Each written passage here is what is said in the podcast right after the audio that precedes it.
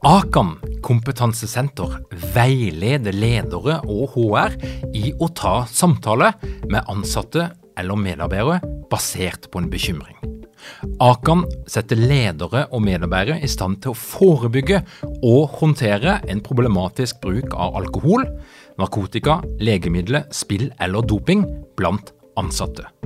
Ønsker du å lære mer om god forebygging og gjennomføring av samtale med en som du er bekymra for?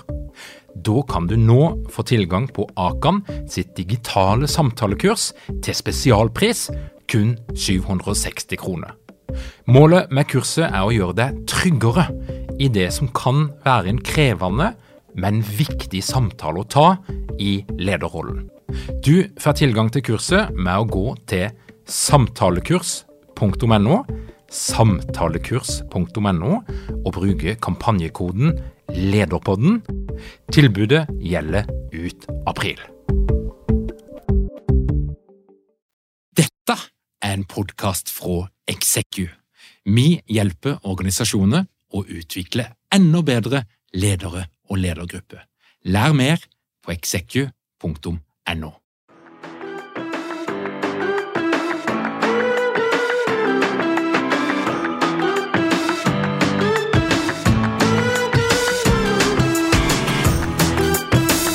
Velkommen til Lederpodden. Mitt navn er Tor Åge Eikerapen. Jeg jobber som organisasjonspsykolog med leder- og ledergruppeutvikling i Execu. Og dette her er en podkast om ledelse. Hvis du ser lyset, blir skikkelig gira på noe og gjenger all in, så er det lett å bli en smule ukritisk. Og hvis det er én ting jeg gjerne vil forfekte på Lederpodden, så er det kritisk tenkning. Hvis du blir frelst på et eller annet, husk å sjekke ut kritikken for å få med noen flere nyanser. Og det er det vi skal gjøre i dag. Men først en oppdatering fra vår sponsor Lederprogrammet. Gruppe 1 med oppstart 13. februar er nå utsolgt. Derfor har vi satt opp en ny gruppe med oppstart 14. februar, og der er det akkurat nå få ledige plasser. Mer informasjon og mulighet til å melde deg på, det finner du på lederprogrammet.no. Jeg håper å se deg på lederprogrammet i februar. Jeg og mange med meg har blitt en del av pulsklokkemisjonærene, som mener at klokka er nøkkelen til bedre helse og et bedre liv. Men er det egentlig sånn? Nei, mener Henrik Børsting Jacobsen. Han er forsker, han er psykologspesialist ved The Mind Body Lab på Universitetet i Oslo, og han har nylig vært ute og slått et slag for at denne trua på pulsklokka er noe overdrevet. Velkommen til Lederpodden, Henrik. Tusen takk for det. Du, Vi starter litt i den andre enden. Hva er det som er din faglige lidenskap? Jeg har holdt på, Helt siden jeg var ferdig som psykolog, så har jeg holdt på med stress og stressforskning. Og både som kliniker og som forsker så har jeg da vært opptatt av det jeg ser som fellesnevneren med, med mye av de mest uh, skulle si, folkerike sykdommene vi har, eller si, de, de folkehelse, største folkehelseproblemene vi har. Og det er eh, smerter, og det er eh, stressplager som utmattelse, og så er det søvnvansker. Så all min forskning, også det vi starta denne forskningsgruppa for, er, er for å studere de fenomenene på en vitenskapelig måte. Og da er det jo kanskje greit å spørre deg om hva stress egentlig er for noe? Ja, det er et veldig godt spørsmål. Og det er faktisk sånn at mange ganger blir jeg spurt om å gi en definisjon på hva stress er. Og det er, det er ikke bare enkelt. Altså, fordi at stress for de fleste av oss er jo en følelse av f.eks. tidspress, eller en følelse av å ikke strekke til i en eller annen sammenheng, mens eh, stress for oss som forsker på det, har jo en, en, en fysiologisk komponent og en psykologisk komponent. Da. Så du kan si at er, Den fysiologiske komponenten det er at det frigjøres ekstra energi. mm. for å løse et problem av noe slag. Og dette fins i alt fra fisk til, til oss. Da. Altså denne her økte forekomsten av ulike hormoner, sånn som adrenalin og kortisol, som mange av lytterne sikkert kjenner til også, eh, som frigjøres i større grad for å, å gi kroppen energi til å løse en utfordring. Eh, og så har du det psykologiske, og det er at eh, i det psykologiske, i hvert fall hos mennesker, så ligger det i bakgrunnen og regulerer på et egentlig ganske uh, mye høyere nivå enn den fysiologiske komponenten. Og det psykologiske det, det, det kan bunne ut i to filtre, egentlig, som styrer litt hvor voldsom stressreaksjonen du får, og hvor lenge den varer. Og disse to filtrene handler om uh, hva betyr denne stressopplevelsen for meg. Og det vil si, mm, hvis man skal tenke seg uh, en eller annen form for teoretisk forankring, så er det da klassisk betinging som er liksom bakgrunnen for den tankegangen, og det er Pavlos hunder. Da. Eh, og det andre er da, filteret er da i hvilken grad klarer jeg å håndtere det jeg opplever. Og Det er mer knytta til Skinner og operant betinging, som er en mer sånn betingingslæring ut fra konsekvenser. Hvis jeg gjør noe for å regulere dette her, hvor godt virker det da? Og både den klassiske betinginga, hva betyr det for meg, og den skinnerianske betinginga, hvordan påvirker jeg det jeg opplever, det filtrerer prebevisst, altså før vi blir bevisst eh, at vi er stressa, hvor lenge stressresponsen skal vare, og hvor kraftig den skal være. Er dette noe av grunnen til at f.eks. kognitiv terapi av og til funker? Ja, absolutt. Og det er, jo, det er, jo, det man gjør da, er jo å oppdatere disse filtrene. Og det er jo det jeg er veldig opptatt av. Og det er også kimen til kritikken av pulsklokka. Eh, fordi at den, den, den, gir, eh, som vi sikkert kommer inn i, og der eh, altså Tor Åge, der skal vi gå så dypt du bare vil. Jeg tenker at Vi må bare passe på, vi må passe på uh, lytterne dine, at de ikke går helt i, i kjelleren nerder ut på det. Men det er, det er, det som er utfordrende med det vi står i. At Kognitiv terapi kan virke fordi at du oppdaterer disse filtrene, og dermed får en bedre regulering. Og det er mange veier inn dit. Én mhm. er kognitiv terapi, en annen er mer sånn følelsesretta terapier som har blitt mer og mer populære nå, da, fordi de er veldig virk, virkningsfulle, kraftfulle for å regulere stress. Og det er dette med sant, å, å, å, på en måte kjenne etter hva Og navngi følelsen, og prøve å, å regulere følelsene annerledes. I psykologien så har det jo vært veldig mange av de klassiske teoriene som har falt fordi en har opplevd at de, de, de stemmer ikke lenger. Når en eh, replikerer forsøkene, så, så får du noe helt annet resultat. Men, men, det du sier nå er egentlig at mange av de klassiske psykologiforsøkene, som er, er ganske så gamle, mm. de, de, står fortsatt innenfor stressforskninga. Ja, jeg vil si det, og så vil jeg moderere det litt. Det gjelder ikke så mye psykologi som læringsteori. Mm. Jeg vil si at uh, det du sier er helt riktig, men det gjelder i, i, i andre felt enn det jeg driver i. Fordi at i, i stressteori og stressfeltet så er læringsteori eh, helt eh, ubestridt. Det er ingen som bestrider om Pavlov sine prinsipper er riktige. Det er ingen som bestrider om Skinner sine prinsipper er riktige. Og jeg tror det man, det man strides om f.eks. i psykologi, det er aspekter av det Skinner sa. F.eks. det at vi, at vi eh, har en, en måte, Vi er frigjort fra vår indre dialog, mer eller mindre. Vi kan bare lære liksom fullt ut av konsekvenser. Dvs. Si, du kan forme et barn til å bli hva du vil.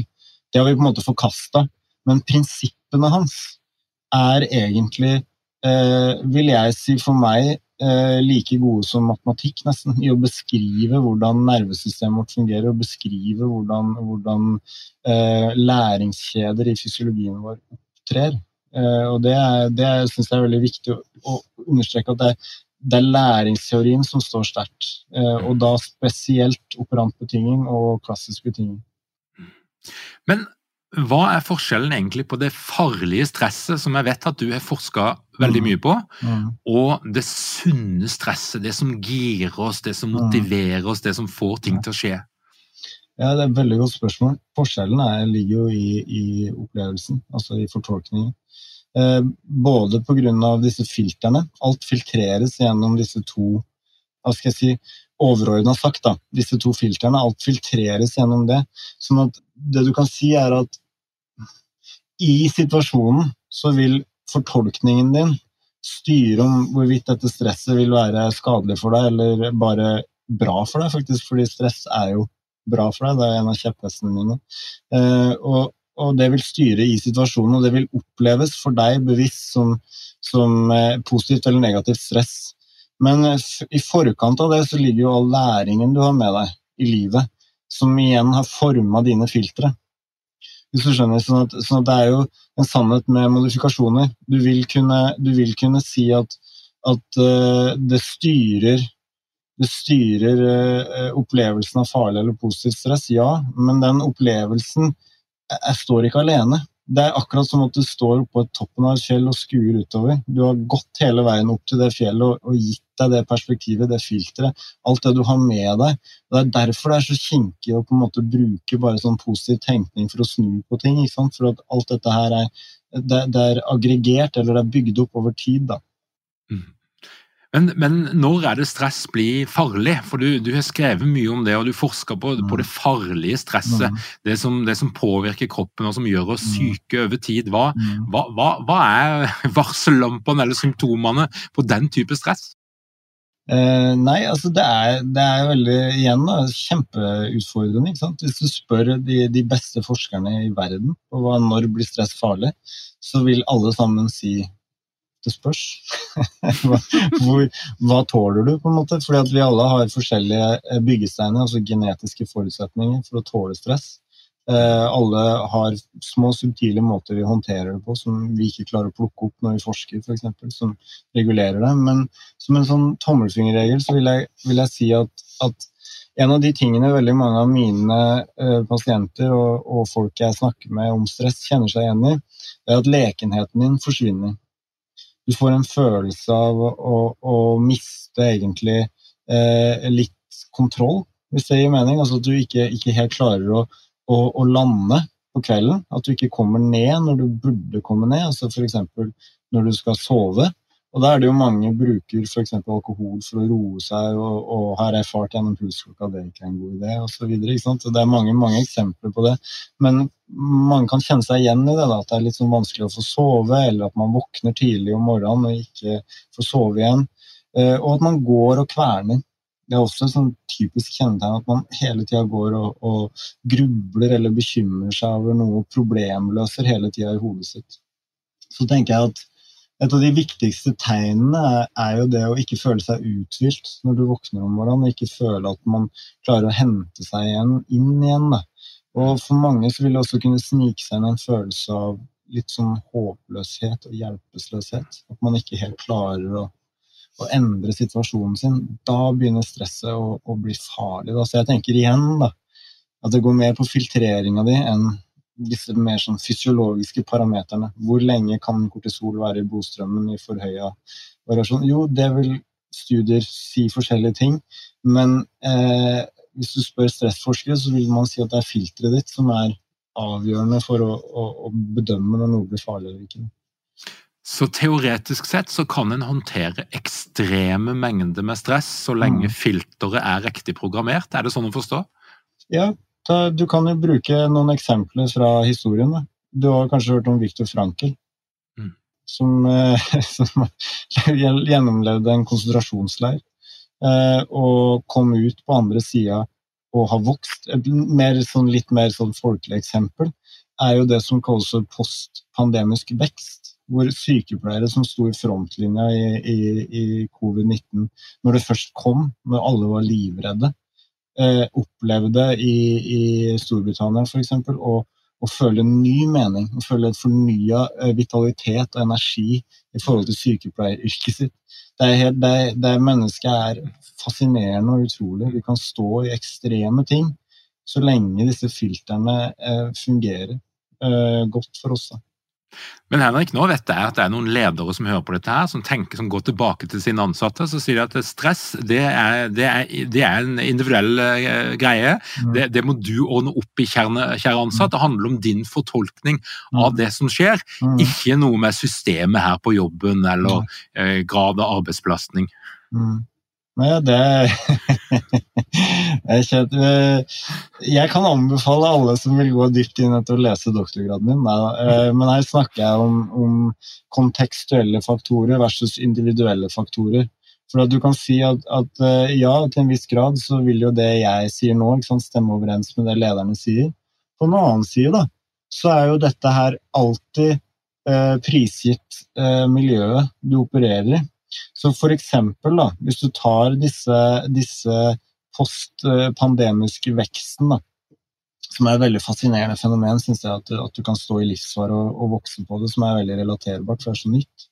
Um, så er det jo sånn at eh, i de tilfellene hvor det ikke var nok tilgjengelig bemanning, eller de tilfellene hvor sykepleierne ikke fikk lov til å, å snakke med hverandre i, etter skift, og, og de tilfellene hvor de følte at noe utstyr mangla, så de, de, ble utrygge i situasjonen, da forsvant dette og ble verre. Så jeg vil si ja, eh, som mumler Gåsegg, ja takk, begge deler, vil jeg si til lederne dine. Og så vil jeg si at, at uh, man kan promotere stressregulering i organisasjonen sin med en riktig, riktig utforming av kulturen. Uh, og ikke minst sånn som jeg pleier å si, da. Jeg leder jo eh, noen ansatte sjøl her. Eh, noen av de vil ha tilpasninger som ikke jeg tenker er sånn Jeg har forska på smerte i, i ti år. jeg tenker Hev senkpult er ikke alltid liksom det som, det som skal til. da. Men jeg tenker for den personen så er det viktig å føle støtte hos eh, sin leder og si ja, selvfølgelig skal du få det. Det er verdifullt for meg. Vil, jeg vil legge, legge, til rette for at du skal få til dette i jobben din. Det handler mye mer om kultur og, og budskapet, og da påvirkning av det individuelle filteret, enn det gjør den hev-senk-pulten, som er en marginal kostnad hvis vedkommende blir sykmeldt. Eh, i, til sammenligning. på en måte. Mm. Så jeg vet ikke om det gir mening for deg, men jeg slår et slag for begge deler. Systemet eh, kan legge til rette, og så er det noe som systemet ikke kan overstyre. og Det er jo individets eh, oppfattelse av stressordet, men det må mm. være et eller annet samspill. og Du kan ikke eh, outsource hele ansvaret Nei. til individet. Nei, og du kan heller ikke tro at, at, det, at, det lyk, at du vil lykkes særlig godt med det. Da. Et veldig godt eksempel som kanskje mange ledere kjenner seg igjen i, det er når en, når en ansatt har vært sykemeldt og skal tilbake i jobb så vil de se at filteret har oppdatert seg. Måten de kan se det på, er at de tingene som den ansatte egentlig løste veldig enkelt før de ble sykemeldt, oppleves nå som veldig krevende for den ansatte. Fordi at de har vært borte fra jobb, og de har ikke de kontekstuelle cuene til å tenke at dette her skal gå greit.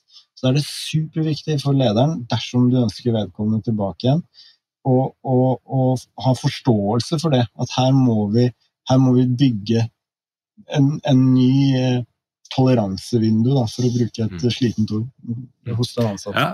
Ja, men Toleransevindu er et godt ord, tenker jeg, et mm. godt bilde og en god modell for å, for å snakke om dette. her. Det det. Men men, men, Henrik, det er jo en uh, sang som blir sunget rundt forbi nå. Uh, en samtale som, som har ja, kjørt i noen år nå. Mm. Men, men rasjonalet er som følger. Vi lever i en tid med ekstremt mye stress. Det er digitale hjelpemidler, det er telefoner og skjermer som blinker mot oss fra alle kanter. De vibrerer i lomma til enhver tid, og vi er påskrudd, vi er aktivert. Og derfor blir vi sykere. Mm. Og for å hanskes med dette her, så må mennesker flest bli mer opptatt av restitusjon. Mm. Og for å skjønne mer av når de trenger restitusjon, eh, så er pulsklokka et verktøy for å få det til. Og så kan mm. restitusjon være så mangt. Det kan være mindfulness, det kan være pusteøvelse, det kan være isbading, jo, som jo er greia som nå praktiseres all over the place. Mm. Men pulsklokka, hva tenker du, Henrik? Ja, nei, det er et veldig, veldig flott og fornuftig resonnement du kom med eh, i forkant her. Da. Det er litt av utfordringa her. At vi snakker her om en, en, måte å prate om et verktøy, som pulsklokka jo er, eh, som, som jeg reagerer på fordi at det er ispedd sannheter i det som sies. Men så blir på en måte konklusjonen riv ruskende galt, så man tar ikke forbeholdene som trengs. En pulsklokke i seg sjøl, jeg syns det er et kjempekult verktøy. Brukt riktig så kan det gi masse nyttig informasjon uh, for deg. Um, men jeg har problemer med å tenke på pulsklokka som en fartsmåler eller som noe som skal gi deg en, en, en til innsikt i kroppens hemmeligheter gjennom dagen. Fordi at én, eh, teknologien er ikke i nærheten av å kunne gjøre det. Og to, eh, det er eh, ganske tåpelig å tenke at du skal Etter alt vi har snakka om filtre nå, så skal du tenke deg at den klokka som kan lese eh, gjennom optiske sensorer en eller annen form for pulsvariasjon, skal kunne si noe om hvor godt eller dårlig du tåler stress. Det er, det er rett og slett bare fri fantasi, og ikke så, veldig, og ikke så veldig smart å gjøre, for å si det mildt. Mm. Så vi kan, vi, må, vi kan, godt dykke inn i de forskjellige momentene her, men det er en sånn overordna hva jeg, problemet jeg har med det. Men det er jo en forlokkende tanke, da? Ja, er det ikke det? er, men det er derfor det selger. det er derfor det selger. Og, og jeg tenker at i, hvis jeg skal være først, da uh, være edruelig i hvordan jeg legger det fram, så er det sånn at hvis du, hvis du tar HRV, da, som er eh, da variasjonen i, i tid mellom hjerteslagene dine eh, det er det man bruker. Det er liksom den, det, det gullmålet som, som, pulsklokka etter sigende bruker for å si noe om stressbalansen din. Så er det en kjempeutfordring i seg sjøl. HRV har jeg studert i, i ti år med, med, forskjellige teknologier. Ja, jeg er enig i det. Det skjer en rasende utvikling i, i teknologien. Eh, men det er et grunnleggende problem. Og det ene er at HRV er ikke er, Det er ikke noe likhetstegn mellom HRV og eh, stress. HRV er eh, et estimat, et tall, som sier deg noe om, om uttrykket i et nervesystem, en del, en gren av nervesystemet som kalles for parasympaticus. Så ivaretagende nervesystemet, rest and digest, er liksom det man bruker på engelsk, som jeg syns er veldig bra. Så du har fight or flight, og så har du rest and digest. Da. Så HRV er egentlig et mål på hvordan det parasympatiske nervesystemet, eller parasympatisk tonus, vagus tonus, hvordan det uttrykkes i, i kroppen. Men det, det å tenke at det er det samme som stress, er problematisk. For det, det, håndterer fordøyelse. Det håndterer eh, en, en eh, ja, altså, You name it. Det er over 80 000 forskjellige stasjoner i kroppen hvor, hvor vagusnerven kommuniserer og tar og innhenter informasjon fra, som kan påvirke hvordan dette nervesystemet uttrykkes. Og det å tenke at man da kan gjennom et veldig sånn enkelt mål si noe eksakt om det, det kan man ikke. Det du kan si, er i hvilken grad har det systemet vært undertrykt eller ikke gjennom dagen. Og det kan man gjøre enten ved å måle gjennom natta når man ligger og sover, for da har man kontroll, rimelig kontroll på pusten. Pusten påvirker HRV i kjempestor grad. Eh, så, så, så, kan det fungere hvis man da aggregerer det over en måned. Så kan man få en idé om perioder i livet hvor man har ekstra mye parasympatisk uttrykk eller mangel på det. da. Eh, I tillegg da, så kan du måle det, som jeg syns er det beste, sittende oppreist rett etter du har våkna og vært på do. For da kan du gjennom å gjøre det på samme tid, på samme måte, identisk gjennom dager, så kan du få en eller annen slags idé om hvor klar er jeg til å gjøre aktivitet i løpet av denne dagen. Fordi at og Beklager, tror jeg messer mye her nå, men det du kan si da, når du måler om natta, så måler du egentlig eh, hva som har skjedd bak i tid. Altså Du måler egentlig hvordan har dagen vært i forhold til dette parasympatiske uttrykket. Mens det du er interessert i, er jo egentlig ikke så mye hva som har skjedd bakover, men hvor, hvor, god, hvor godt kan du møte det som kommer. Derfor så syns jeg denne morgenmålingen er bedre, da, fordi det, det, kan gi deg en, en, idé om det. Da. Men med alle de forbeholdene jeg har. Så for eksempel eh, hvis man svelger, eller hvis du tenker på eksen din, eller hvis du drikker for mye vann, så vil målinga di være ødelagt. Mm. Da vil ikke den fungere. Så i, bare det å bevege bitte, bitte litt på hånda, så vil målinga være ødelagt. Så, så man, man, kan ikke bruke det dag til dag, som er det pulsentusiastene eh, gjør. Da. At man bruker det både gjennom dagen og dag for dag. Eh, for å se hvordan ting henger sammen. Det du kan bruke det som, er en målestokk over kanskje 14 dager. Eller en måned hvor du kan se her har det vært en ekstraordinær belastning, f.eks. en skilsmisse eller en covid-infeksjon, så vil du kunne se det på den, den, de, de, månedlige målingene dine. Men da forsvinner Da forsvinner eh, På engelsk har vi et nydelig uttrykk som the allure, eller da forsvinner liksom forlokket, den, det forjettede med den pulsklokka. For det mange mener, er at du kan bruke det som en fartsmåler gjennom dagen. Og det er bare tull. Det kan du ikke. Det er ikke. Vi er ikke der. Jeg skulle ønske at vi var der. Vi er ikke der i dag. At vi kan gjøre det. Er du ikke mange ledere uten trening eller utdannelse innen ledelse? Mangler dere en felles kultur og praksisforledelse? Ønsker du dere å være bedre rustet for fremtidig vekst og endring? Da kan et internt lederutviklingsprogram være en god investering.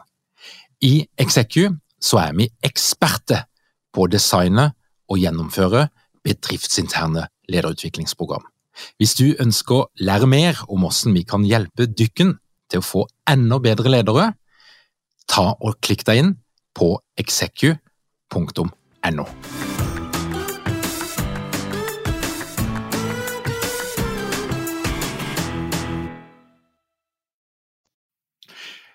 Hvis vi ser på liksom, hva er de negative konsekvensene av denne bevegelsen, da, som, som, for det, det, er jo et skinn av noe vitenskapelig, mm. uh, uten å nevne navn, så, mm. så, er det jo et skinn av noe vitenskapelig i de som forfekter klokka, og det, og det, det elsker vi jo. Det er, mm. det, er, fagfolk mm. som stender bak dette her. men, mm. men men hva er de negative konsekvensene av denne bevegelsen, bortsett fra at det er litt irriterende for en forsker å se på at noen ja. framlegger noe som sant, som faktisk kanskje ikke har så god dekning som det burde ha? Det er et godt, uh, godt spørsmål, Tor Øye. Det er mange som spør meg om det. Inkludert, uh, inkludert samboeren min spør meg hvorfor bryr du deg så voldsomt om dette her. Uh, fordi det er jo ikke sånn at det kan avfeies. ikke sant? Ta klokka av, da. Men da vil jeg spole litt tilbake, så husker du på det med filtre. Mm. Ikke sant? Så det som er velkjent i psykologi, som du også sikkert vet mye om, Tor Åge, det er at mennesker har iboende skjevheter i hvordan vi oppfatter verden. Det har Daniel Kahneman og Amos Seiske vunnet Nobelprisen i økonomi for.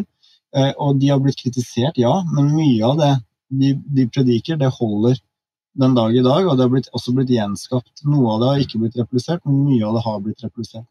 Og Det er en del eh, det han kaller tommelfingerregler, eller, eller oppfatninger av skjevheter, som, som, går igjen i psykologi. Da. Og En av de skjevhetene vi vet, det er det som kalles for, eh, for ankring, eller en svakhet overfor tall. At vi får oppgitt størrelser.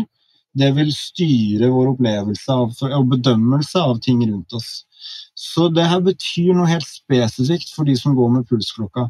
Hvis du får oppgitt da et tall for fra kroppsbatteriet ditt eller fra stressbalansen din som sier noe om hvordan, hvor restituert du er, eller hvor, hvor mye batteri du har igjen, da, så vil det tallet påvirke deg. Enten du vil eller ikke. Og det vil påvirke filteret ditt. Sånn at for veldig mange, og dette er ikke synsing fra min side. Jeg har en haug med e-poster etter debatten om Dagsnytt 18 som bekrefter dette her. Så blir du syk av det fordi at du gjør dårlige helsevalg. Fordi at kroppsbatterier på klokka eller stressbalansen på klokka indikerer en restitusjon som du egentlig ikke trenger. Eller du velger en restitusjon som ikke er den som er best eh, egnet for å deale med det du dealer med. For eksempel så er det masse av disse anbefalingene som er ganske udokumenterte og ganske mye sånn knytta til påstander. F.eks. hvilken mat du bør spise, eller bare isbading. Jeg, jeg, er jo veldig fascinert av det, jeg skal i gang med en stor studie på det nå. Eh, fordi at jeg har predika lenge før pulsmessiasene kom, eh, dette med kaldt vann og hvordan du kan bruke det. Det kommer fra eh, Navy Seals i, i USA, og det kommer fra marinejegerne i Norge. Og jeg var i sin tid med i, i Jegerkommandoen, og, og det, er, det, er, veldig spennende. For det, er en stressrespons som ikke habitueres så godt, dette med kaldt vann. Det gir en veldig, gir en veldig spennende effekt på fysiologien din. Men det interessante er at når man prøver de randomiserte, kontrollerte studier, så man ikke, klarer man ikke å finne en udiskutabel effekt på den måten som, som, det oppleves for. Og så skal man respektere at folk opplever at det er bra. Samme som med pulsklokka. Man skal respektere at folk opplever at det er bra. Men jeg vil eh, også slå et slag for de som faktisk blir syke av denne, disse tallene. Eh, og det er det som er problemet mitt. Pulsklokke syns jeg er helt rått. Kjør på, kos deg med klokka, liksom. Men ikke følg stressbalanse, ikke følg kroppsbatteri. Ikke følg disse komposittmålene. For det vet vi er bullshit. Whoop mm. prøvde å dokumentere det. De fikk det ikke til. Det var, ikke, altså, dette er en studie som er publisert. Jeg, jeg kunne ikke ha gjort det dårligere. Huberman sjøl, som er sponsa av WOP, han, han, er ansatt av WOP, prøvde å vise at, at han kunne påvirke stressregulering på WOP-båndet med pusting. Og claimer at han har gjort det. Men hvis du leser Gå i Cell Medicine, les den sjøl null effekt på HRV. Fordi at den er ikke spesielt god til å plukke det opp. Og for meg som har forska på HRV i laboratoriet, å puste vil påvirke HRV. Det skjer hvis du kobler deg til EKG. Problemet er at den klarer ikke å fange det opp, for den er ikke god nok til det. Og Det er det som er, det clouet her. At du, du, blir solgt en idé som det ikke er dekning for, og det eh, er det kanskje en upopulær mening jeg har, da. altså, så, du er veldig viktig, da. Ja. Men veldig men, viktig. Vi må jo ha noen motstandere. Jeg har sendt mail til, til andre altså NRK da, de, de, har invitert meg, men jeg har sendt mail til alle og TV 2, jeg har sendt mail til alle store medieaktørene og podkastene som har, har, hatt masse om dette her. Og så har jeg lyst til å nyansere det bildet.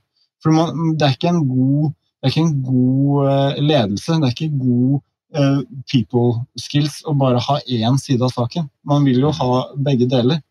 Og selv om det ikke er så populært hos pulsmessiasene, så har jeg faktisk forska ganske mye på dette. Jeg har gitt ut systematiske oversiktsartikler på dette.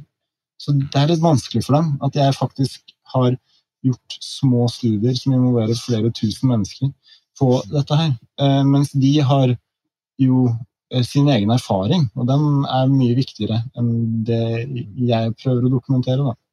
Mm.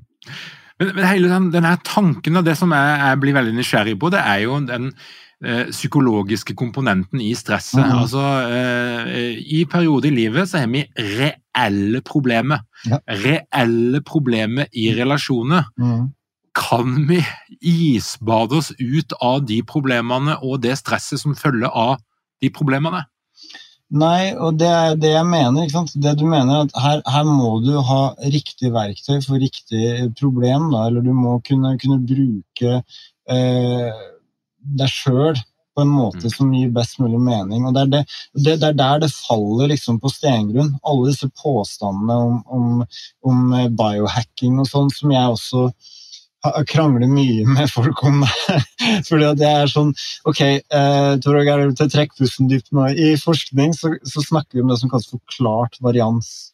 Det vil si at i, i, La oss si at du tar 100 personer, og så spør du de eh, hvordan opplevde du dette her, som du nettopp var igjennom. La oss si at du, du har vært og, og isbada. Da. Hvordan opplevde du det? Eh, og så sier man da eh, i, i, det som kalles forklart varians, så vil man ha unike opplevelser. La oss si at man har 100 unike opplevelser uten overlapp. Så man har 100 prikker på en sånn eh, L-diagram. Det som da forklarer f.eks. For eh, 5 eller 10% eller 15% av den spredningen av det materialet, det kaller vi for viktige eh, forklarende variabler. Og La oss ta f.eks. IQ. Det kan forklare røftlig, altså det varierer, men rundt 5-7% av eh, hvorvidt du lykkes i, i arbeidslivet. Da. Eh, så det er en ganske sterk forklaring. Det, disse anbefalingene til disse biohackerne har ekstremt liten forklart varians. De kan forklare veldig lite. Nå maler vi med bred pensel, det finnes selvfølgelig unntak her. Men f.eks. i reelle problemer, sånn som en skilsmisse, så vil isbading ja, det vil kunne skyve deg i en eller annen retning. Det kan gjøre det vil kanskje gi forklart varians på 0,3 da. Mens det å faktisk jobbe med å uttrykke følelser til en venn, partner eller leder eller kollega vil kanskje gi deg 7-8% forklart varians. Altså det blir da også, det blir også 100-gangen liksom, av, av, det du får til med isbading. Så det, det er det jeg mener at når, når, vi blir satt foran disse rådene, så gir det oss ikke noen indikasjon på viktigheten. Altså hvor i hierarkiet ligger dette rådet?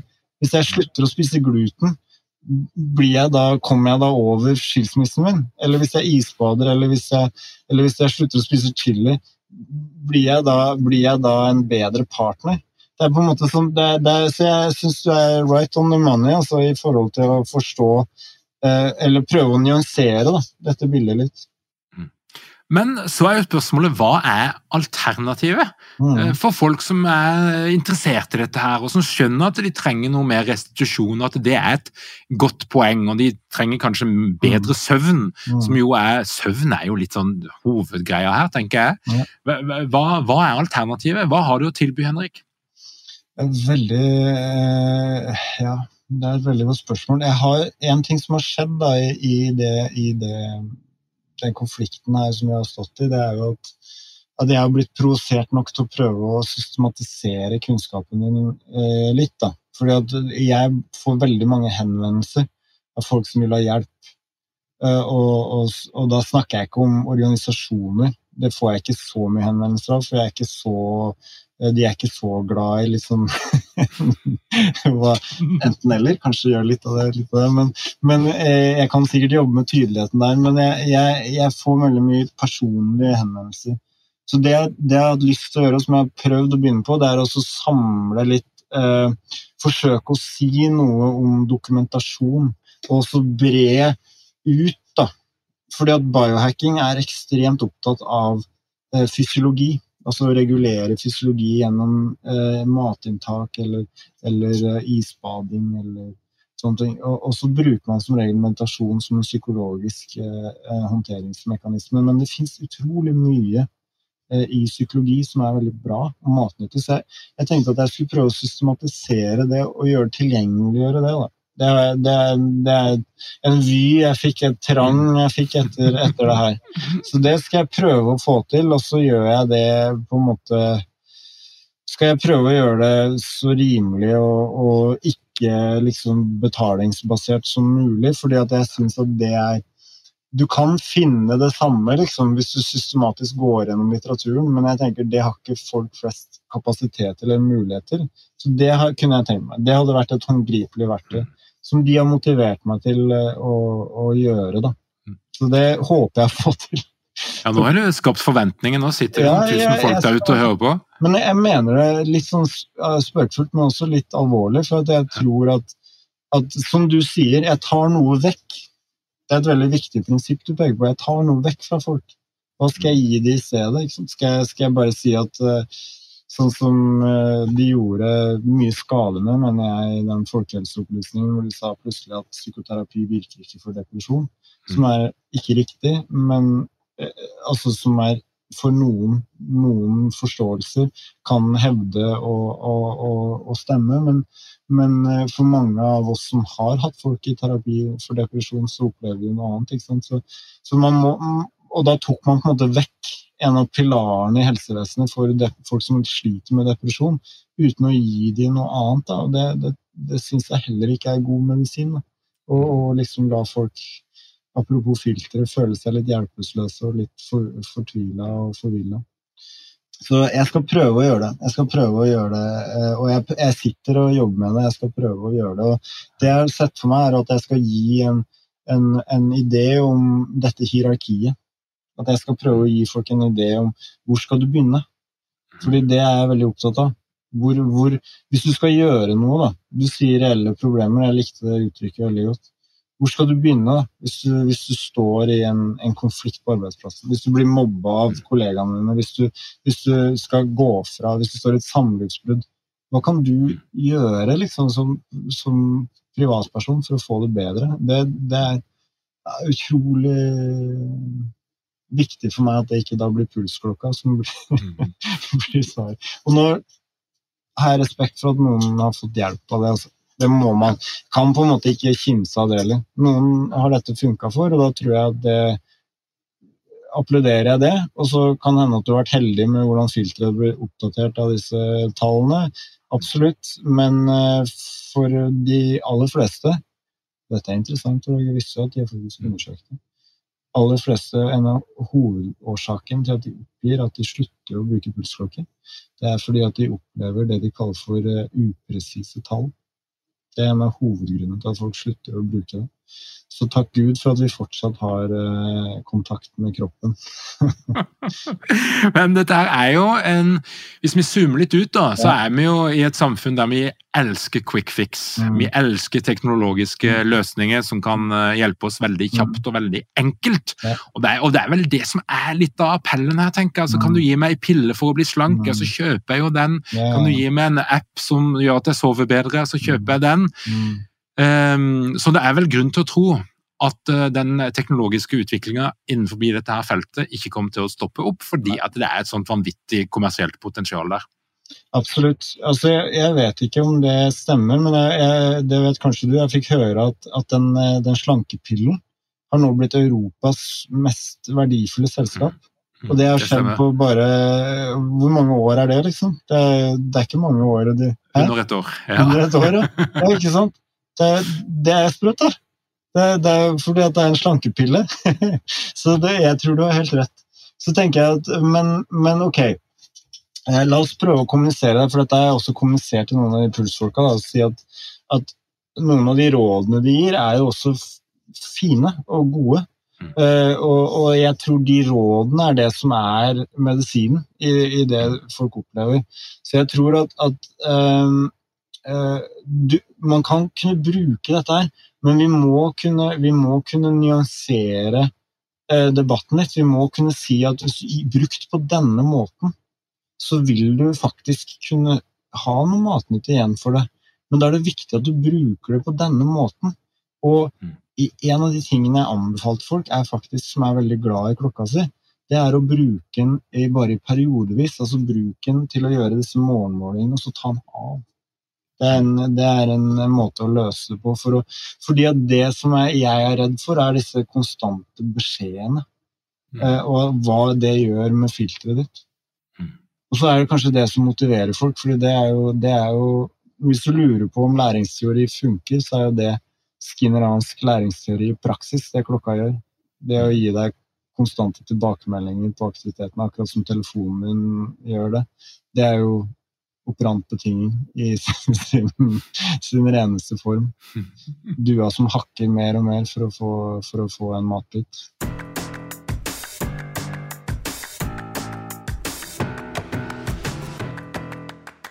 Henrik, er det noe du har lyst til å melde ut til Lederpoddens lyttere som ikke jeg spurte om? Ja, eh, jeg har det. Det er at eh, jeg tror på, på å lære om stressregulering. Sett, sett fra et faglig ståsted, så tror jeg at det å lære om stressregulering på en riktig måte er en av nøklene til et godt liv. Og jeg tror at det som er vårt ansvar, både som fagpersoner i området og som ledere som har mange ansatte som vi har omsorg for. Det er stor respekt for den jobben eh, ledere gjør. Veldig mange mennesker avhenger av din håndtering av, av hverdagen. Så tror jeg det å lære seg kunnskapsbasert, dokumentert stressregulering er en nøkkel til et bedre liv. Derfor så er det enda viktigere enn vanlig at du er kritisk i tankegangen når du blir solgt en idé som er altfor enkel og altfor forførende, egentlig til at du også skjønner at det her kanskje er Er ikke dette her litt for, for, for kjapt? Er ikke dette her litt for billig? Lytt til den stemmen, eh, og ta en ekstra runde på på Google, for å si det sånn.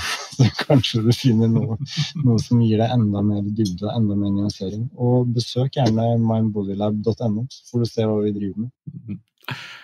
Tusen takk, Henrik. Og så kommer jeg til å jage deg litt når det gjelder denne eh, oppsummeringa og guiden som, som, du er i ferd med ja. å utarbeide. Så, så, og når den kommer, så skal jeg dele den med Lederpoddens eh, lyttere og gjøre det tilgjengelig. Det, gjøre, og tanken min da var å Det har jeg lyst til å spørre deg om, Torgeir, du som er inne, inne, i disse litt mer uh, New Age, eller mer enn mediene. Uh, jeg har vurdert på Ville du hatt det som en bok, eller ville du hatt det som en, en, en sånn at du kan logge deg inn, og så ligger det med videoer og linker og materiale nedover? Jeg tror jeg ville hatt det kanskje som en podkast. Eller, podcast? ja, eller det siste du nevnte der. Men, Ja, jeg er eh, enig. For bok er, men bok er liksom Jeg vet jeg, Fordi det er litt ekstra arbeid for meg. Det er lettere for meg å raske det sammen i en sånn eh, nettportal. hvis du skjønner. Det er derfor jeg spør. Det, det konsumerer folk gledelig. Så det, hvis du gjør det på en god måte, så tenker jeg det blir veldig bra. Og, og eh, gjør det som er kjappest òg for deg. Mm, det tenker jeg. Godt råd. Takk for det. Henrik, igjen takk for at du kom til Lederpodden. Yes. Takk for meg. Til deg som lytter på, hvis du er nysgjerrig på alt som skjer i vårt lederunivers, kom deg inn på lederpodden.no, trykk på den rette knappen, skriv inn din e-post, og du vil få vårt nyhetsbrev i din innboks hver eneste fredag. Akkurat nå så er det halvannen uke til lederprogrammet starter. Jeg tror kanskje det er et par plasser igjen. Hvis du er nysgjerrig og har lyst til å bli med, kom deg inn på lederprogrammet.no. Takk for at du hører på Lederpodden. Vi høres igjen om ei uke.